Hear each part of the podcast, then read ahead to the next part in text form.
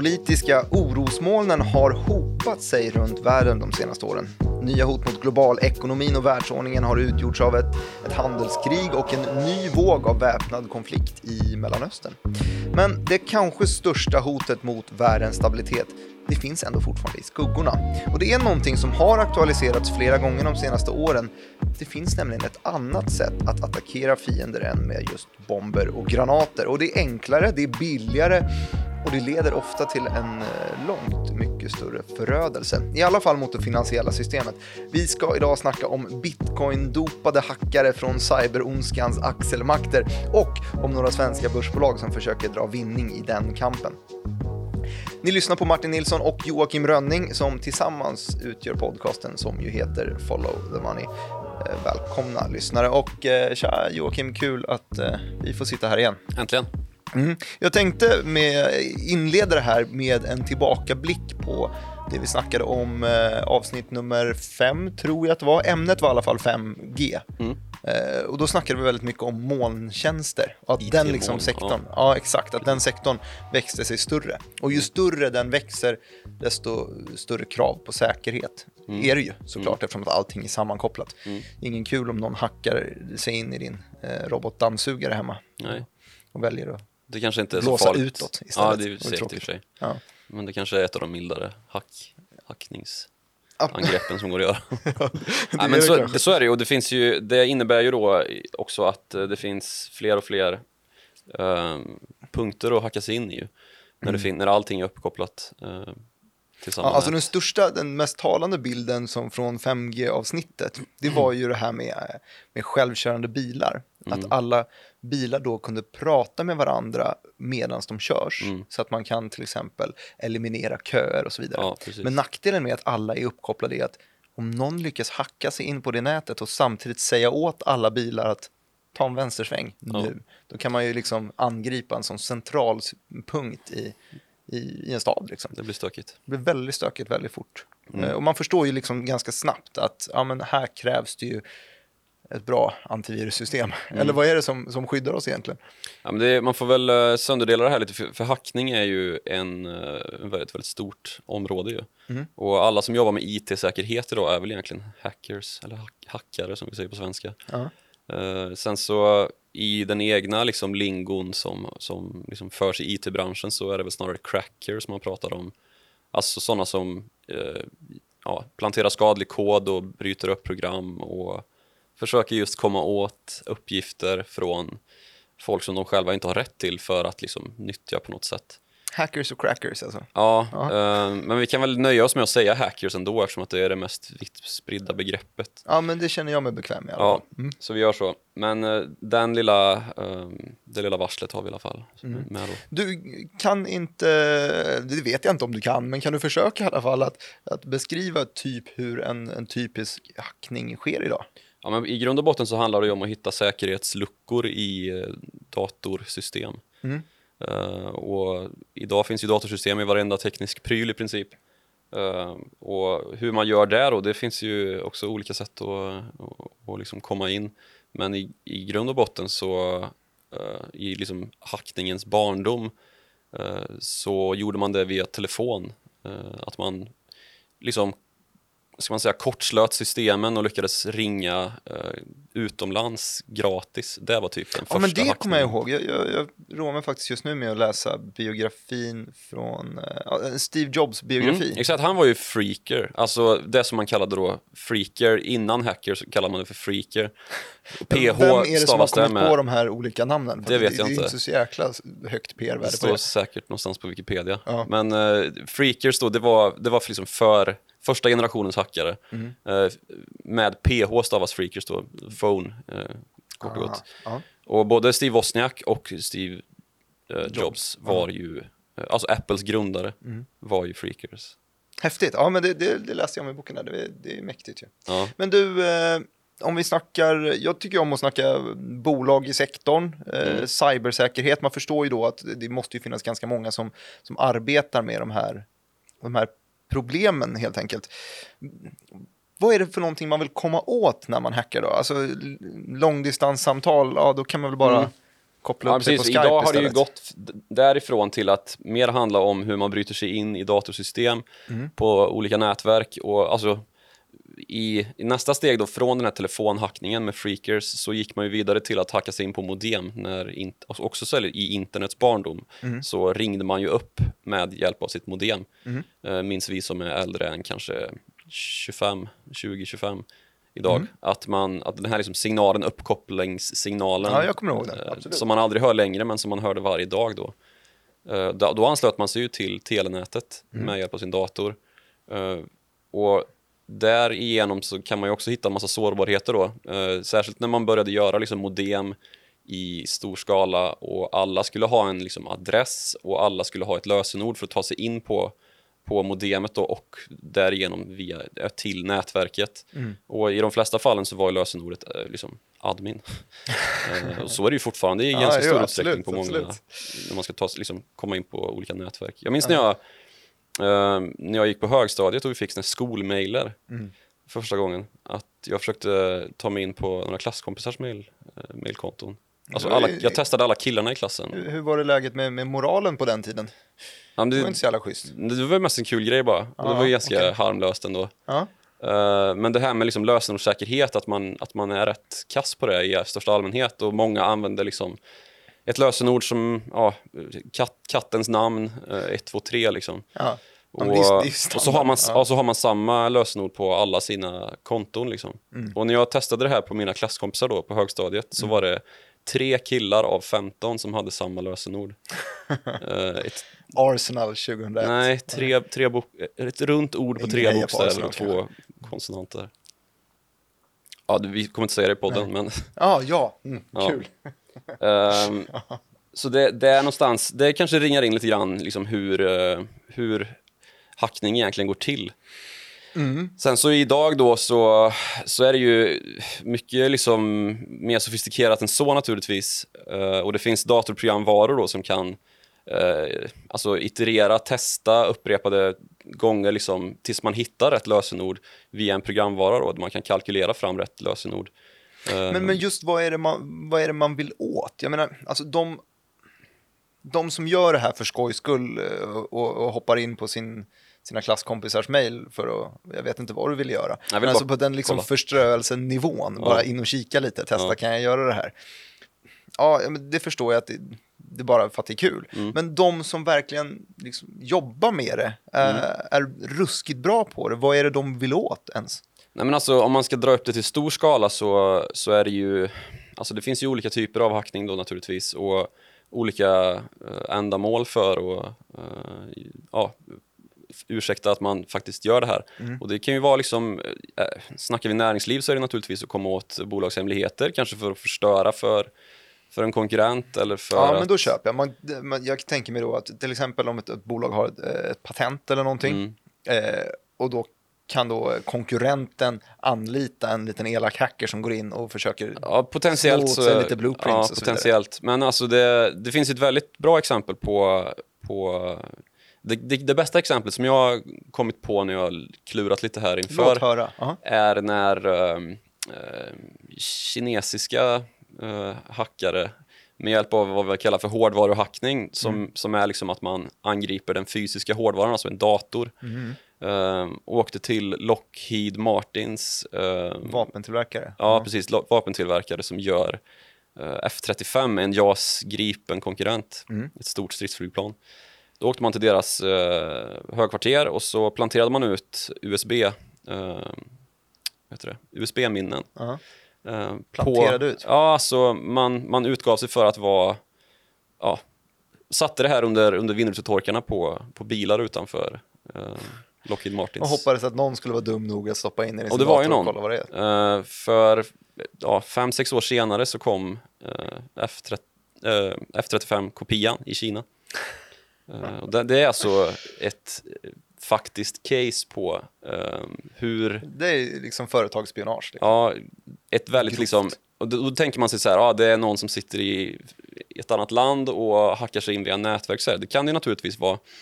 Eh, sprider virus, förstör, eh, utvinner bolagshemligheter och stör liksom till och med andra länders politiska system då, som man har sett från ja, primärt Ryssland. Mm. Uh, men det kan också vara så här enkelt, liksom, att man lyckas få någon att plantera in liksom, ett virus eller en, en, uh, ett spionprogram liksom, i uh, mm. den egna datorn. Som, och är man väl inne på ett nätverk så är det ganska lätt att, att glida runt. Sen så är det ju liksom, ungefär som när man om man skulle göra ett inbrott rent fysiskt så ju mindre du liksom rör på dig och exponerar dig desto, desto mindre är risken att du blir upptäckt. Mm. Men har man ett, ett fast mål liksom och hitta ritningarna um, för hur en F35 ser ut mm. hos Lockheed Martin så uppenbarligen så lyckades man ju med det. Ja, verkligen.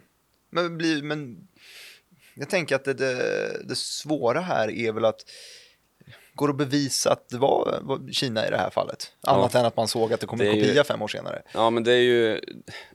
Det, det, vet man väl kanske inte vem exakt det var som gjorde det. Mm. Men eh, de har ju uppenbarligen kommit till kinesiska liksom, vapenindustrins mm. tillgång. Liksom. Ja, uh, så, att, så att det har ju skett en transaktion där och det är väl ganska uppenbart att även om det var liksom ett uh, så pass sofistikerat att det var ett beslut inom Kinas eh, folkarmé att faktiskt skicka ut spioner och begå den här liksom, hackningsgärningen mm. eller om det var så att det var någon fristående som gjorde det, snodde ritningar och sen gav dem till Kina. Det är väl liksom... Men du, jag, jag, I inledningen här så, så sa jag med, med stor trovärdighet i min röst eh, att, att det här i många fall leder till en långt större förödelse än eh, bomber och granater. Mm att man snor ritningar, eh, patent och så vidare och kan bygga egna stridsplan. Ja, jag förstår att det, det är ett hårt slag mot Lockheed Martin, men hur ser det ut typ om man ska om ryssen kommer Fast via, alltså, via nätverksladden. Jag, vad, vad gör de då? Men du sa, du sa väl ändå att, uh, att det kan leda till värre konsekvenser? ja, det är väl inte sagt, alltså, det är ju också det här med att man inte alltid vet vad det är som har pågått uh, och vad som har hänt eftersom Nej. att det sker i cybervärlden, cyberrymden liksom. Mm. Och det är inte alltid det kommer till allmän vetskap liksom att det faktiskt har skett en hack hackningsattack någonstans mm. mot en liksom Uh, ja, men som här ett stort, en stor vapentillverkare, världens största vapentillverkare. Mm. Uh, just för att det inte är områdöd och bomber och granater. Mm. Uh, men alltså potentiellt det... liksom, så det här liksom exemplet med alla bilar svänger vänster på en gång. Mm. Uh, det är väl kanske inte supertroligt att det kommer hända i närtid liksom. Men i en, en längre utsträckt framtid om, om liksom den cyberkapaciteten att liksom uh, fortsätter att skalas upp så som den har gjort hittills så kan man ju i alla fall inte avskriva det som en, en omöjlighet. Uh, och det i sin tur då är ju en, en liksom katastrof av kött och blod ju. Men gud ja, och det är ju här vi ser och där är vi ju inte än. Vi, vi kanske inte har sett liksom... Det, det, mig vetligen så är det en av de värsta såna här liksom hackningsattackerna när uh, iranska Eh, eller vad man tror var, man är ganska säker på att det var iranska hackare som tog sig in och lyckades uh, styra dammluckor i en, uh, en väldigt stor damm i staten New York i USA. Mm -hmm. uh, och det blev liksom Ja, det förstår jag. Där, där ser man ju liksom hur, hur uh, stor liksom kraft det kan ha att lyckas ta sig in liksom bakvägen i ett liksom, datorstyrt system. Mm. Uh, och det är liksom uh, och att då an angripa den liksom kraftförsörjningen, det förstår man ju. Är... Ja, men kraftförsörjning är också så här, och tänk de vattenflöden, vatten. ja. de vattenflöden som man styr över då. Mm. Att man liksom har makten att översvämma områden om det skulle vara så. Mm. Uh, men sen så, ett av de mest sofistikerade, det tror jag vi har pratat om i podden tidigare, Stuxnet. Kärnkraft. Ja, precis. Ja, absolut, jag vet. Uh, men när, dra den snabbt igen. Ja, men Iran, uh, återigen liksom i fokus där.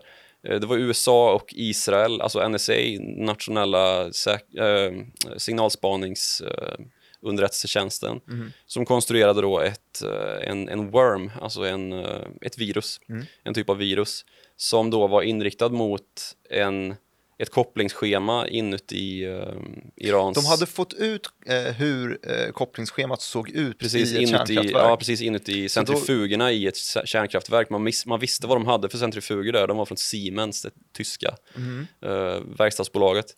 Så då tog man kopplingsschemat där och så antog, liksom, fick man via insiders reda på då hur många och hur de här liksom, kopplingsschemana exakt såg ut. Och man kunde då sluta sig till att det finns bara ett exakt sånt här kopplingsschema. Mm. Och så konstruerade man då en liksom bugg för att eh, gå in och eh, Identifiera alla med det här exakta kopplingsschemat och Nej, dem? alltså eller? att man, man planterade ut det här, den, den här buggen då på, på internet. Ehm, och så antog man att i liksom en tillräckligt lång tidshorisont så kommer det här hamna inuti Irans kärnkraftverk. Så den här buggen finns överallt idag. Ehm, problemet var ju bara att det läckte ut och ja, det kanske var just därför Iran lyckades ta sig in på eh, det här, den här dammen i New York. Just för att man lärde sig då hur man konstruerar den här typen av eh, högsofistikerade virus som är liksom av eh, en helt ny liksom, eh, grad av komplexitet än vad det har varit tidigare. Och eh, där ser vi också liksom att man plötsligt sitter på makten att skapa en härdsmälta i, i Iran. Eh, vad men det kan leda till i en, i en längre liksom, tidshorisont. Nu har vi fått i alla fall lite bakgrund här. Jag som har ett eh, börsbolagsfokus, det har ju du också, men eh, kan jag i alla fall nämna några bolag som om man känner att den här sektorn kommer växa, jag tror att molntjänsten, sektorn kommer växa, så finns det ju väldigt många bolag som, som jobbar med just it-säkerhet, med krypteringar, med identifikationssystem och software och så vidare. Största, eller en av de lite större, eller typ de största, eh, måste ju vara telekombolagen, alltså typ Ja. Ericsson, Nokia, Huawei. Mm, de är ju De är Ja, gigantiska men, och i där, det pratar här. vi, där pratar vi hårdvaran. Liksom. Ja. Eh, och det, det är ju just kritiken mot eh, Huawei, ju, att de, Ja, just det. de anklagas ju för att... eh, alltså, Huawei det är, ju, det är ju dels mobiltelefoner men också telekomutrustning, alltså telekomnätsutrustning, Mm. antenner och, och så vidare. Så man är rädd att någon har... Att man, man, alltså, samma sak igen då, NSA hävdar i en rapport att eh, genom en bolagslag i Kina så är Huawei förbundna att upplåta telekomutrustning för så kallad bakdörrsspionage för kinesiska staten. Eh, och liksom i, eh, i ett värsta fall scenario kunna stänga ner ett annat lands telekomnät. Ja, det och allt som styrs därigenom eh, i, i liksom en ja, konflikt av något slag. Då kommer inte jag kunna spela quizkampen längre. Det kommer du inte kunna göra. Det är uselt i så fall. Mm, du, är du bra på det eller? Jag är faktiskt fruktansvärt bra. Jag, Okej, jag ja. lär mig väldigt mycket av dig. Får ta en Eh, match. Ja, det ska vi göra. Du, eh, Sectra är ett av bolagen Mm. som jag tänker på som är kanske lite mer nischat. Ericsson, Nokia, Huawei. Huawei, ja. De är ju eh, de är ordentligt mycket större. Mm. Men Sectra, de har ju eh, it-lösningar för institut, myndigheter. De ska liksom jobba med just det här med att säkra kritisk infrastruktur. Mm. Eh, de är hyfsat stora ändå, 15 miljarder. Det är liksom i den här större häraden. Resten som jag kommer rabbla nu, de är ordentligt mycket mindre. Det finns väldigt många som är så här, om de får en genombrottsorder så, så eh, kan, de liksom, kan de växa och bli riktigt stora. För det handlar ju om att säkra stora kontrakt för liksom, stora myndigheter och grejer. Det, det är det man vill ha. Eh, vi snackar då Advenica till exempel, krypteringslösningar. De fick en order från... precis en order ja, från FMV. Snyggt, bra, bra koll. Eh, 5,2 miljoner. ja, men, Satt vid desken när den kom. ja, vackert. Ja, men, och FMV, alltså eh, Försvarets materialverk, de, de är inte, de är inte så stora. Det är ju är Sverige, Sveriges Mm. försvarsbudget. Men, men kollar man på mm, övriga budgetar så, så finns det liksom en potential till att man, man kan få någonting stort. Liksom. Ja, Så drömmen är att plocka typ Lockheed Martin, att de skulle vilja säkra upp sina system så att de Ja. inte släpper ut F35-planer. Eller Pentagon. Som har Pentagon, det var jättefint. Clavister, de jobbar lite med brandväggar, VPN och så vidare. Cyber Security One, eh, dataläckage och övervakning. Eh, Verisec är ett sånt bolag, 500 miljoner i princip, i princip ungefär. Eh, de jobbar med identitetshantering, identifiering, eh, lite mot banksektorn och så vidare i dem. Eh, Ionid skrev jag ner också. Jag vet inte ens om man säger Ionid eller Ion ID. Ion ID Ion får ID. jag mig i alla fall. Ja, men det Mm. låter snyggare Ja. faktiskt. Ionid är väl lite Ja. slängigt. Eh, men det är ju då identitetskapning Ja. som de jobbar mot, eh, får man väl säga. Förfalskning och sånt. Ja. Så där har vi liksom en... eh, Det är de en svenska, Ja, men det är ju det som är intressant för oss. Ja. eller hur? Och, och plus Huawei och, och Nokia. Ja. Men sen så alla telekombolagen, eh, eller telekomoperatörerna är ju eh, högst inblandade här också. Mm. Och eh, Telia inte minst har ju liksom varit ett ganska dåligt exempel på, i alla fall tidigt liksom i när, när liksom internet föddes fram. Vad tänker du på då? Värld, Sveriges mest kända hackarangrepp. Eh, när Telias hemsida byttes ut mot Felias hemsida. Eh, är väl, det är väl en... Ja, Alltså det, det är ju någonting som vi ändå måste ge de här eh, hackarna. De har ju ofta väldigt eh, härlig humor tycker jag. Det finns någon lite, någon lite cynisk Ja, galghumor det, är, i det. det är ju inte alltid det är, eh, särskilt liksom, det, det är ju ganska illa för bolagen såklart, Ja, gud, men ja. kanske inte i, alltså, för, för Telias del var det väl mer av liksom renoméförlust Ja, gud, än alltså, ekonomisk förlust. Någon som försöker värdesätta varumärken märkte ju en stark förlust här när Telia Ja. blev Felia helt plötsligt. Mm. Eh, och det kan man väl nästan säga var en typ av det man kallar för hacktivism. Ja, men Eh, exakt. Och där kommer ju också kanske världens mest kända hackargrupp, eller det är ingen grupp egentligen, utan alla kan eh, ta på sig hackningsangrepp under epitetet Anonymous, som ju är uh, sådana som ja, ofta är en avsändare till storskaliga hackarangrepp. Just det. Eh, och det är liksom ingen, ingen fast kärna i den gruppen, utan det är liksom en... Men det är, är det inte ofta de man ser när man snackar, eh, jag vet inte hur långt vi vill dra det här nu, men, och du får stoppa mig annars, men kryptovalutor, hela den sektorn, eh, där är det väl ofta när man ser att någonting har hackats eller någonting har bytts ut eller vad fan som helst, så har jag för mig att det har varit Anonymous som har kommit in och, och gjort någonting. Det kan ju mycket väl ha varit. Fast just det här med att Anonymous, det är ju ingen och alla liksom. Eh, Så det är, det är liksom mer hackar-communityt, eller cracker, Ja, cracker men okej, men det kanske är så här. eh, Kryptovalutor, den svängen, är, är ju decentraliserade och är lite av anarkistisk natur i alla fall, ursprungsdelen. Och Anonymous är väl synonymt med den där grejen också. Mm. Att man vill gå emot. Ja, staten. ja, Jag absolut. kanske- jag är upp- Nej, men det, alltså, hacktivism, det, är ju, det ligger ju i ordets natur ju. Mm. Att, att det är liksom en aktion mot det bestämda och det, det är liksom förutsägbara. Mm. Eh, och det är väl en ganska tydlig parallell då till krypto, att det finns en liksom, eh, ja, en anknytning där i alla fall. Men det ligger ju nära, för det är ju, liksom, det är ju guldgruvorna. Istället för att råna ett, eh, ett tåg med, med guld i vilda västern så, Mm. så rånar man ju istället en, någon form av eh, kryptobank idag genom Ja. en, en hackerattack. Liksom. Ja, absolut. Det är det Så man det hör. finns det ju ganska många exempel på. Mm. Ehm, och alltså det, det sker ju, alltså en, en period så var det ju extremt ofta, det var ju varje vecka fick man skriva en, eller till slut så skrev man dem inte längre ens, att sydkoreansk eh, kryptobörs blev rånad på liksom 200 miljoner dollar i Mm. bitcoinvärde. Som bara försvann liksom ur... Tre timmar senare så var det inte värt 200 miljoner längre för att bitcoin hade fallit med 25 procent. Ja. Ja. Ungefär. Och, ja, det var ju liksom när hypen var på sin, på sin höjd nästan. Mm. Nu har vi fått lite återhype i, i, i bitcoin, i krypto ju. Ja, alltså det, de har ju börjat ta, det ta lite fart upp. igen. Ja. Alltså man förstår ju, vi ska inte gå in och försöka förklara, det är, det är ett helt eget avsnitt att, eh, att förklara kryptovalutor och hur de ser ut, men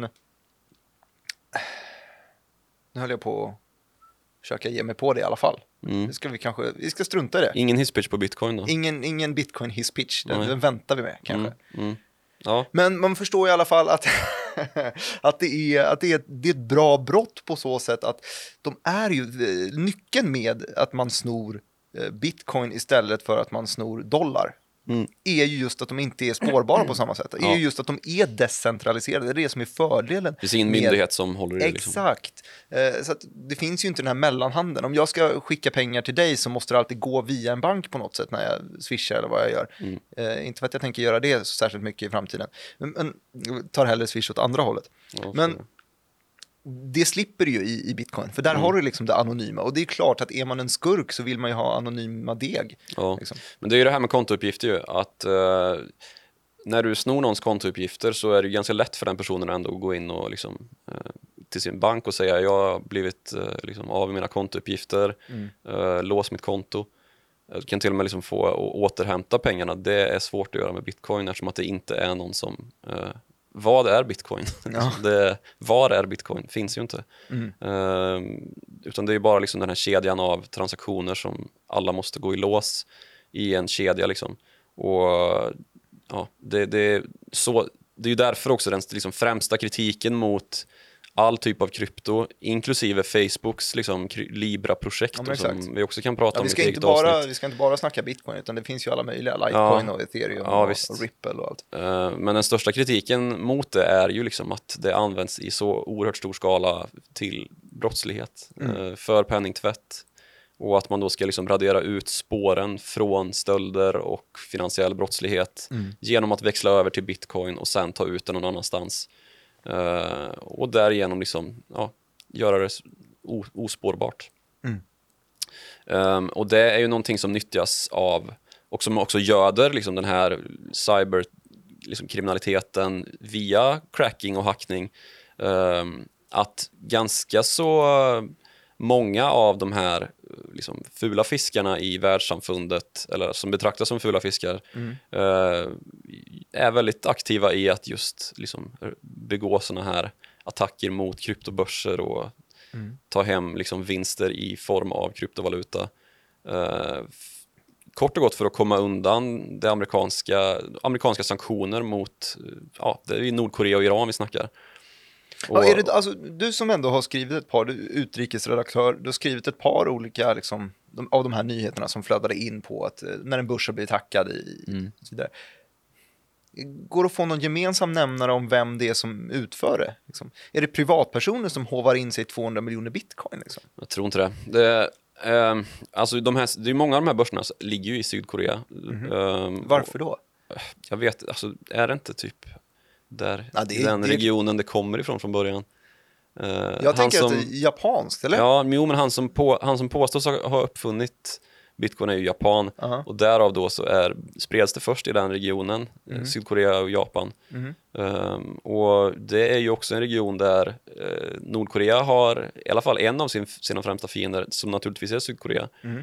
Uh, och då är det ju tänkbart att det är ganska lätt att liksom lägga på sig kunskap om området och nyttja sina hackarfaciliteter, eh, alltså de hackningskunskaper eh, eh, som finns i landet för mm. att eh, ja, råna kryptobörser i Sydkorea, den främsta fienden. Mm.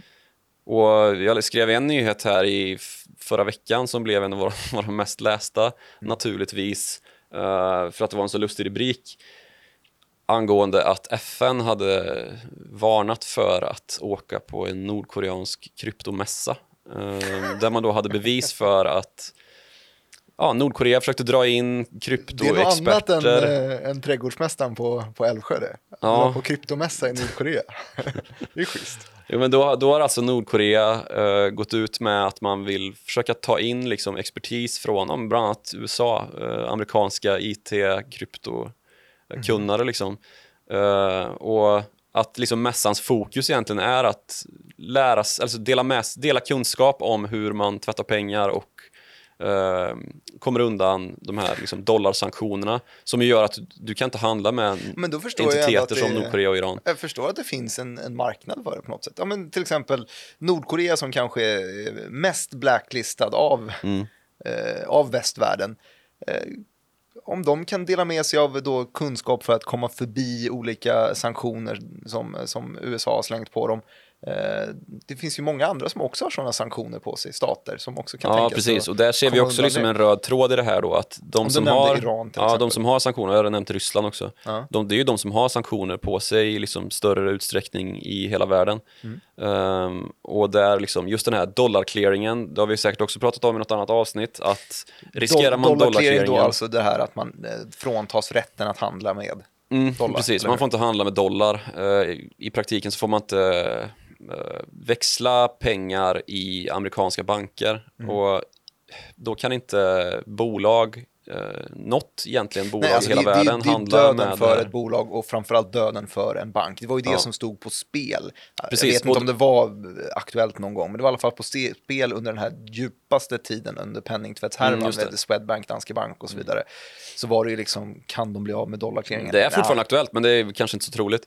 Får en uh, fet böter, men inte ja. mer än så. Men den utredningen pågår fortfarande i USA och det är, reell, det är ingen reell möjlighet kanske, men det är en möjlighet som, som i liksom, någon typ av osannolikhet sätt skulle kunna inträffa. Uh, så ett, menar du då att uh, Nordkorea, Iran, Ryssland och Swedbank och Danske Bank kommer börja dra på kryptomässa istället och handla ja, det... de vägarna, slippa sanktionerna? Ja, det vore ju spännande. Ja. Den mässan skulle jag vilja gå på. Ja, jag med. Uh, det är lite svårare att ta sig in i Pyongyang nu kanske, men uh, ja, Nordkoreas huvudstad. Mm. Men det är ju också då, om vi ska återknyta lite till vad vi pratar om egentligen, att eh, de här tre länderna, som jag sa, Ryssland, Iran och Nordkorea, mm. det är de som liksom i vår del av världen ju betraktas som de största liksom, bovarna vad det gäller det här med eh, mm. liksom, storskalig hackning och eh, eh, där är det väl inte så att liksom, det sitter ett gäng under liksom, eh, ska man säga, men det är inte under liksom. säkerhetstjänsten. Liksom. Nej, men ja, nej, det kan det nog vara alltså.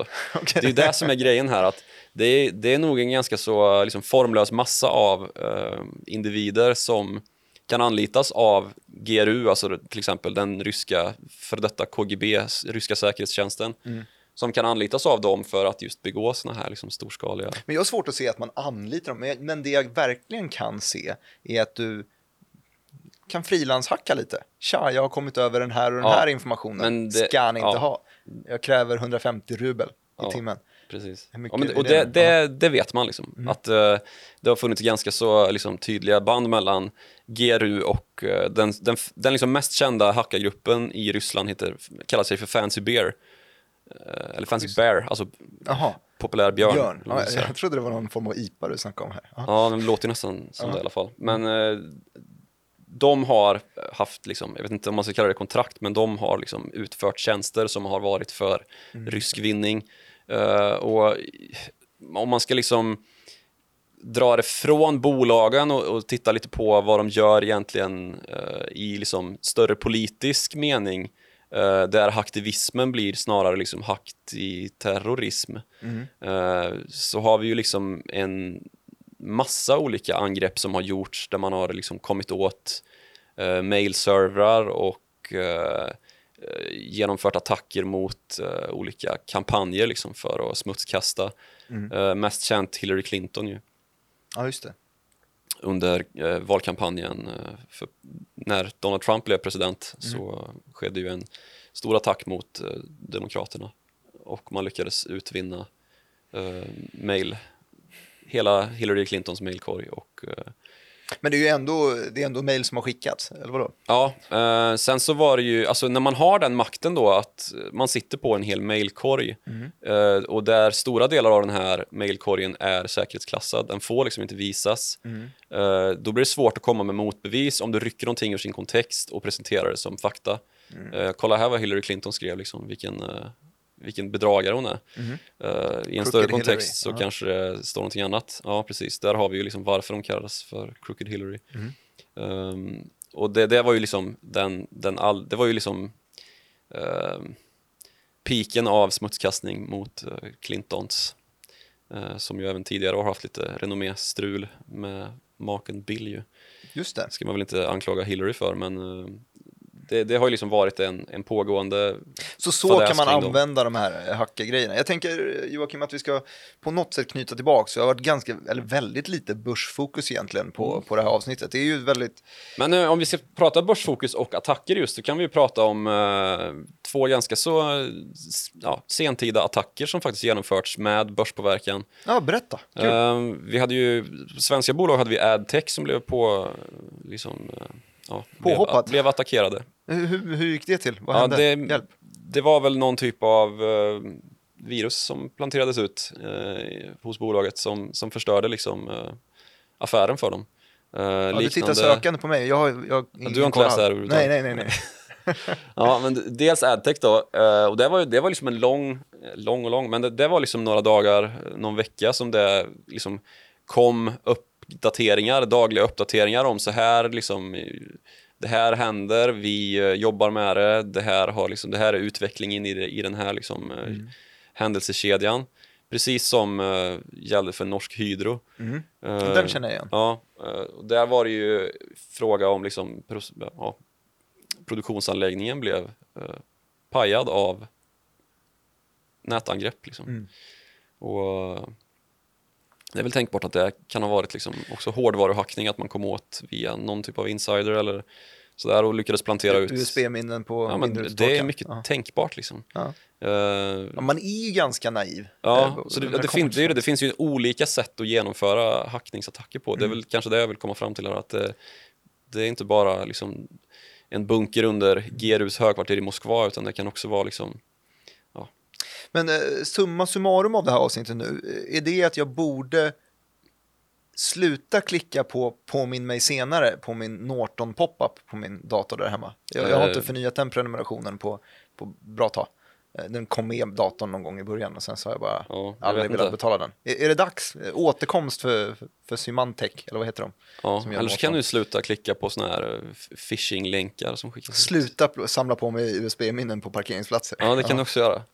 Eh, det finns ju en massa olika sätt att försöka liksom, uh, skärpa till sig vad det gäller uh, lösenordshantering. Det är ju den viktigaste. Om man liksom inte vill riskera att få hela sin eh, liksom, privata värld eh, ja, exponerad så ska man ju se till att ha tvåfaktorautentisering, alltså att man har typ en, Ja, du vet som det är på Men banken. alltså det vi kan komma överens om i alla fall i det här är ju att det är en sektor som det måste komma pengar till. Som vi märkte med Advenica, eh, om man uttalar det så, bolaget som fick eh, kontrakt från försvars, eh, Försvarets materialverk Ja. eh, igår.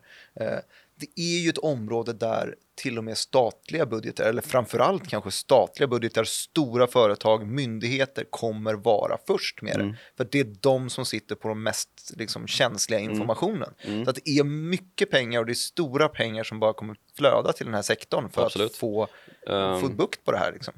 Och få tydlighet. Precis. Eh, USA la- har ökat sin budget till cyberförsvar med, ja, i år så ökar de den med 20 procent. Så nu är den över, eller runt 10 miljarder dollar som man lägger på eh, cyberförsvaret. Ja, alltså det, Och- det är mycket svårt att här, relatera till någonting, men 10 miljarder dollar det är gigantiskt. Ja, det, ja, men just den här ökningen då kan man ju snarare titta på då, att Ja. det, de, de ökade med 20 procent. Ja. Och det har ju såklart med eh, liksom ryssar, iranier och nordkoreaner som försöker komma in eh, i landet virtuellt och göra skada. Mm. Ja. Eh, det har ju med det att göra. Och kineser som vill ha F35-plan kanske. Ja, tänkbart. Men eh, alltså det, det är ju en, en, ett ganska nyvaket eh, fält också, sett till att gemene man fortfarande liksom inte är så jävla orolig för att det här ska kunna liksom hålla någon Nej, men exakt, skada. det är ju någonting som sker i det dolda. Man Ja. vet inte. En- bra utförd attack märker man inte att den har skett. Nej, Helt och, plötsligt så sitter man där med 400 kilo eh, av GDPR-information. ja, precis, persondatalagstiftning. Men Ja. eh, en, en annan intressant grej som jag tänkte komma in på vad det gäller bolag, när du klippte av mig där vid Norsk Hydro någonstans, Det gjorde jag. Mm. Eh, det är ju det här som har hänt nu i dagarna med avslöjandena kring Jeff Bezos, Mm. eh, Amazons, Amazons grundare och vd, eh, världens rikaste man. Ja. Han har ju blivit hackad. Berätta nu, nu, det här var med MBS i, i samma Ja, precis. typ Mohammed bin Salman, alltså Exakt. den Gillar att med honom om med, med förkortningar, det tycker jag Ja. är kul. Ja, men han är ju MBS med hela, hela Hela finansvärlden. Ja. Och eh, han har då eh, han, han var ju på lite av en, en liksom, charmtjusarturné uh, för några år sedan Mhm. när han blev liksom, administrativ ledare. För det, det är fortfarande kungen som, som bestämmer rent formellt men administrativt så är han för trött för att, för att fatta några beslut. Så det är hans eh, s- favoritson, då, kronprins Mohammed bin Salman, som styr. Mhm. Eh, och när han tog över då så var det ju tal om att uh, Saudiarabien skulle reformeras och liberaliseras och allting skulle bli guld och skogar och man skulle använda sina oljepengar till att investera i en massa fräscha techbolag Mhm. och blev bland annat en av de största ägarna i bolag som eh, Uber till exempel. Ehm, och då åkte ju Mohammed bin Salman på, på turné till eh, västvärlden eh, och det slogs, slogs upp stora rubriker i alla de amerikanska tidningarna om att han var där och eh, träffade företagsledare, bland annat Jeff Bezos. Kul. Och, och eh, han, mm, det jag kommer ihåg från det här också var ju då att företagen vill ju åt det för att det är ju inte lite pengar som Nej. finns i Saudi.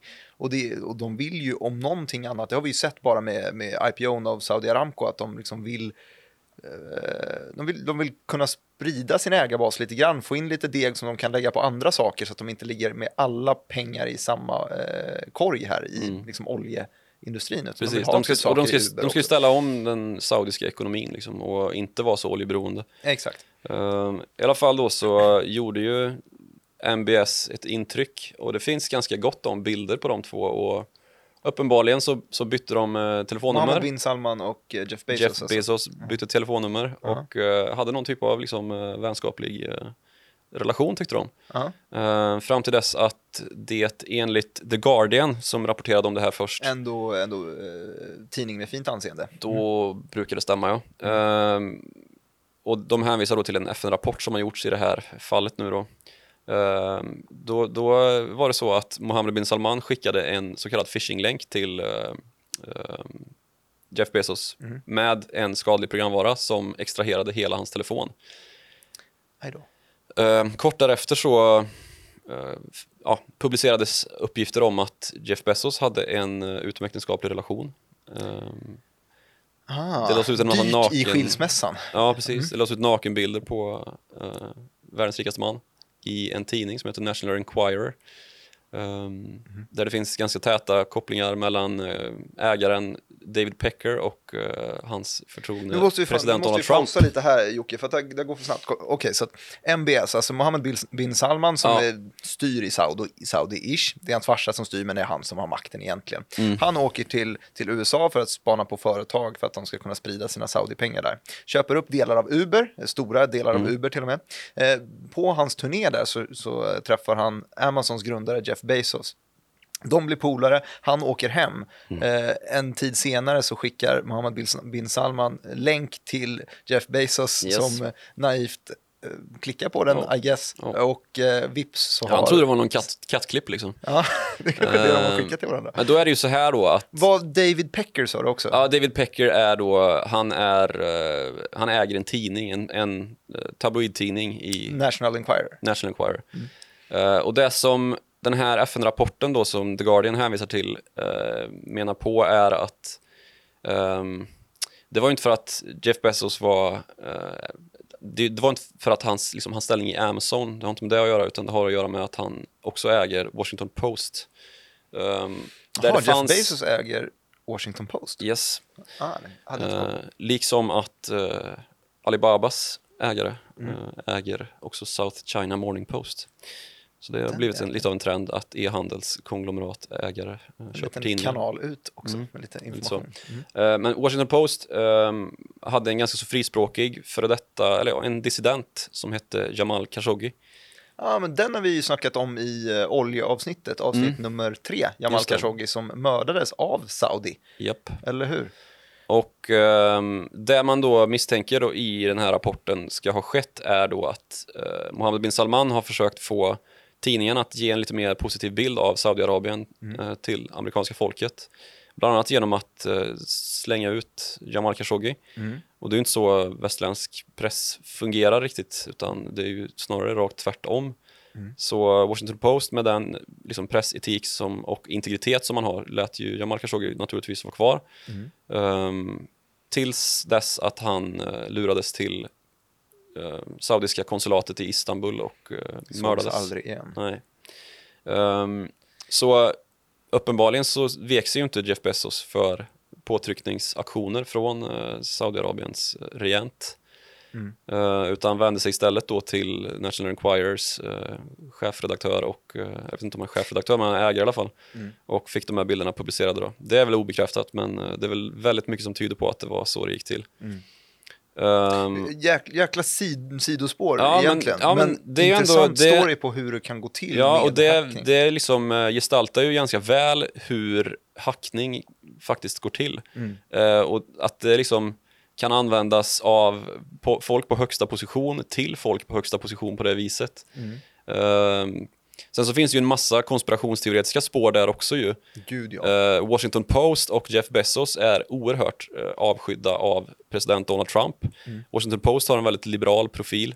Ehm, och eh, bland annat så förnekades man ju ett väldigt stort molnkontrakt eh, för ett ganska kort tid sedan som istället gick till Microsoft. Ett kontrakt på 19 miljarder dollar Som hade kunnat gå till Amazon som hade kunnat gå till Amazon, ja, som, har- som ju har Amazon Web Services som är världens största... Ja, många lösa trådar här. Jag vill inte ens börja dra i dem. Nej, men det känns som att man kan det, dra i det, dem i det, kommer avsnitt. ihop, det kommer ihop sig då, den här konspira, det här konspirationsspåret då att Amazon har överklagat att Microsoft fick det här eh, kontraktet. Mm. För det är ju en allmän offentlig upphandling och ska gå till den som är prisvärdast och bäst. Mm. Eh, och så hävdar man då att det var ju för att Donald Trump eh, avskyr Amazon och att han liksom instruerade sina tjänstemän eh, mot alla reglementen som finns för hur en offentlig upphandling ska gå till att välja bort Amazon.